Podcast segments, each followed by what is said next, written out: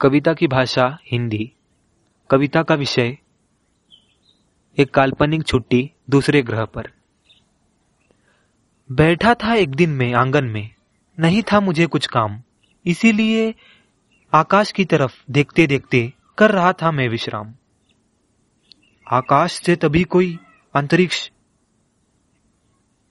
जैसा आ रहा था एक यान, तभी मेरी जिज्ञासा बढ़ी और खड़ा हो उठा मैं इंसान। ऐसा लग रहा था जैसे वो यान हो रहा है विशाल। मेरे मन में आए तभी कई सारे रोचक सवाल। पास आ रहा था जैसे मेरी तरफ़ वो बड़ा सयान मैं निडर देख रहा था उसे, जैसे मैं था बड़ा बलवान। मेरे सामने उतरा जमी पर जब वो बड़ा सयान मेरे दिमाग में घूम रहे थे, पूरे संसार के जैसे विज्ञान। तब डर भी लगने लगा था मुझे। क्या होगा इसके अंदर? नहीं था मुझे यह अनुमान।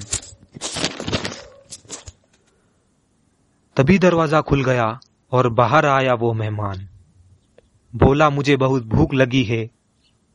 तब मैं हुआ बड़ा हैरान। मैंने कहा, ठीक है, क्या खाओगे मेहमान अनजान?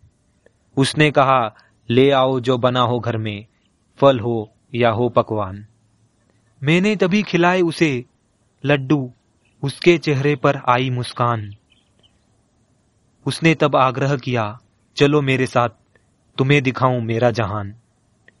मैंने पहले किया इनकार, फिर आग्रह करने पर, मान ली मैंने बात। विश्वास कर मैं चला, देखने उसका जहान। तभी हमने यान में बैठकर ली एक बड़ी सी उड़ान। डर भी लग रहा था मुझे। तब ले रहा था मैं भगवान का नाम। कुछ देर बाद, अंतरिक्ष में जब पहुँचा हमारा यान, दिख रहे थे मुझे अद्भुत नजारे, जो थे मुझे पहले अनजान। टिमटिमाते तारों और पत्थरों से भरा था वो आकाश, सभी जगह अंधेरा था, फिर भी था तारों का प्रकाश। अलग अलग ग्रह थे और नए नए जगह थे, सभी जगहों को थे, बिल्कुल रोचक और खास। देखते देखते तब हम जहाँ पहुँचे, ग्रह पर, जहाँ थी एक नई दुनिया, नए लोग, जहाँ नए रास्ते, हर कदम पर।